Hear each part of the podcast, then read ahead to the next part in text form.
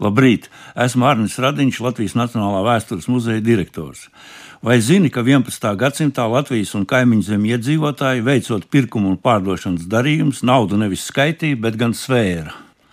Labākam priekšstatam sāksim ar nelielu atkāpi cilvēks savā attīstības gaitā ir izmantojis dažādas maksāšanas līdzekļus, piemēram, gliemežvāks, ādus, metāla stienīšus, lopus, aitas, tā skaitā un tā tālāk. Bet ar laiku šo vietu ieņēma monētas, kuras bija daudz ērtākas, tātad mazākas, vieglākas, un tās tika ražotas dažādos izpildījuma veidos, un par galveno to izēju materiālu kļuva sudrabs. Latvijas teritorijā senākās atrastās ir romiešu monētas, kuras datējums ar 1. un 4. gadsimtu. Tad līdz 8. gadsimta beigām ir bezmonētu periods. Ar 9. gadsimta skandināvu tirzniecīsko aktivitāšu rezultātā ar Volgas bulgāru apgrozībā parādās austrumu sudraba monētas arābu dirhēmi. Agrākās ar Gotlandas starpniecību vispirms nonāca kursā, nedaudz vēlāk tās pie mums nonāca arī par Daugaus ūdens ceļu. 10. gadsimta beigās monētu skaitu papildina rietumu sudraba monētas denāri. Galvenokārt tie bija vācu, bet sastopami arī angļu, dāņu, bet tās ir ļoti mazā skaitā. Šajā laikā sastopams arī Bizantijas impērijas sudraba monētas. Bet tā interesantākā lieta ir tā, ka šo sudraba naudu svēra, jo kaut monētas rotāja dažādas zīmes un attēlu, tās neapzīmēja to vērtību. Nu, uz tām monētām ir piemēram baznīca, vai tur ir pat uzraksts Leopolds III vai vēl kaut kas, bet šī naudas vērtība šodienas izpratnē, ka tie ir trīs lati vai trīs eiro, tur visu nav, teiksim, tāpēc nācās šīs naudas svērt pastāvēja vairāk vai mazāk vienotas svaru sistēmas, svēršana veids ar svariņiem un liels svēramos svēra ar bezmēnu.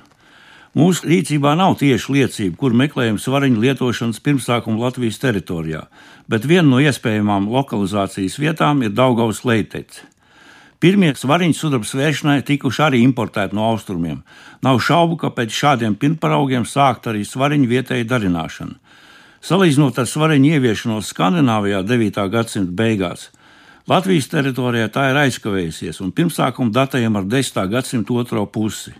Pastāv arī lokālas atšķirības. Piemēram, Daugaus lībiešu svariņi izceļas ar kausiņu lielāku diametru, savukārt zemgaļas svariņiem raksturīgs bagātīgs ornaments. Nu, kas tad ir svariņi? Svariņi sastāv no diviem bronzas kausiņiem, svariņu pleciem un līdzsvaru rādītāju. Tātad bļodiņas ir parasti kaut kur 6-7 cm diametrā un līdz 2 cm dziļs ar augliņas vai bronzas važiņas palīdzību tās ir piestiprinātas plecu galos. Savukārt plecu vidū atrodas līdzsvaru rādītājs, kurš kā svārsts rāda, teiksim, vai ir vienāda vai nav vienāda ļoti pazīstama lieta.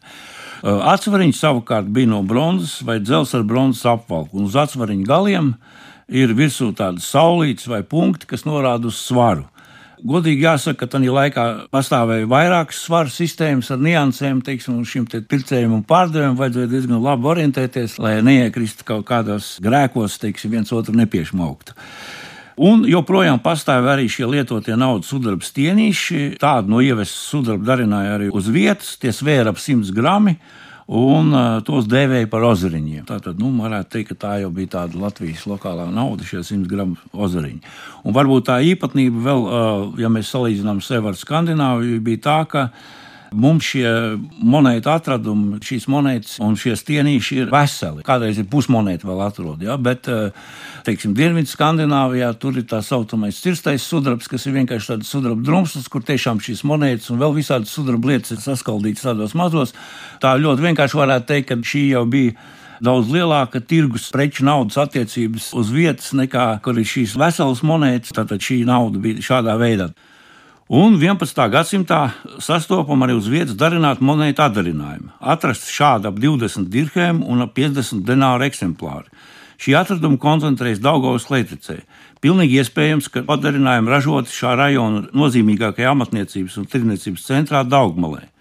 Jāatzīmē, ka dirhēm izgatavot dažādās tehnikās un materiālos - baltmetālā, sudrabā, varā, eh, kalti, lieti, kamēr denāri ir no vara un apsudarboti.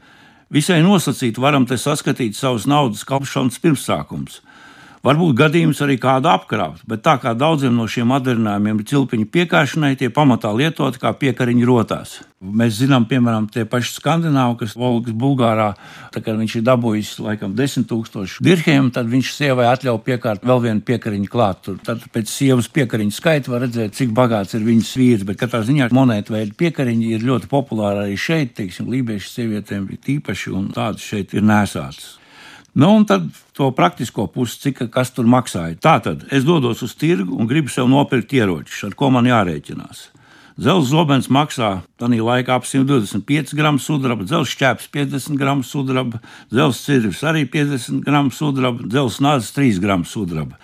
Nobeigumā aprēķināsim, cik mums vajag monētas. Lietosim dirhēmus, jo tiem atšķirībā no denāriem ievērots vienāds svars ap 3 gramu.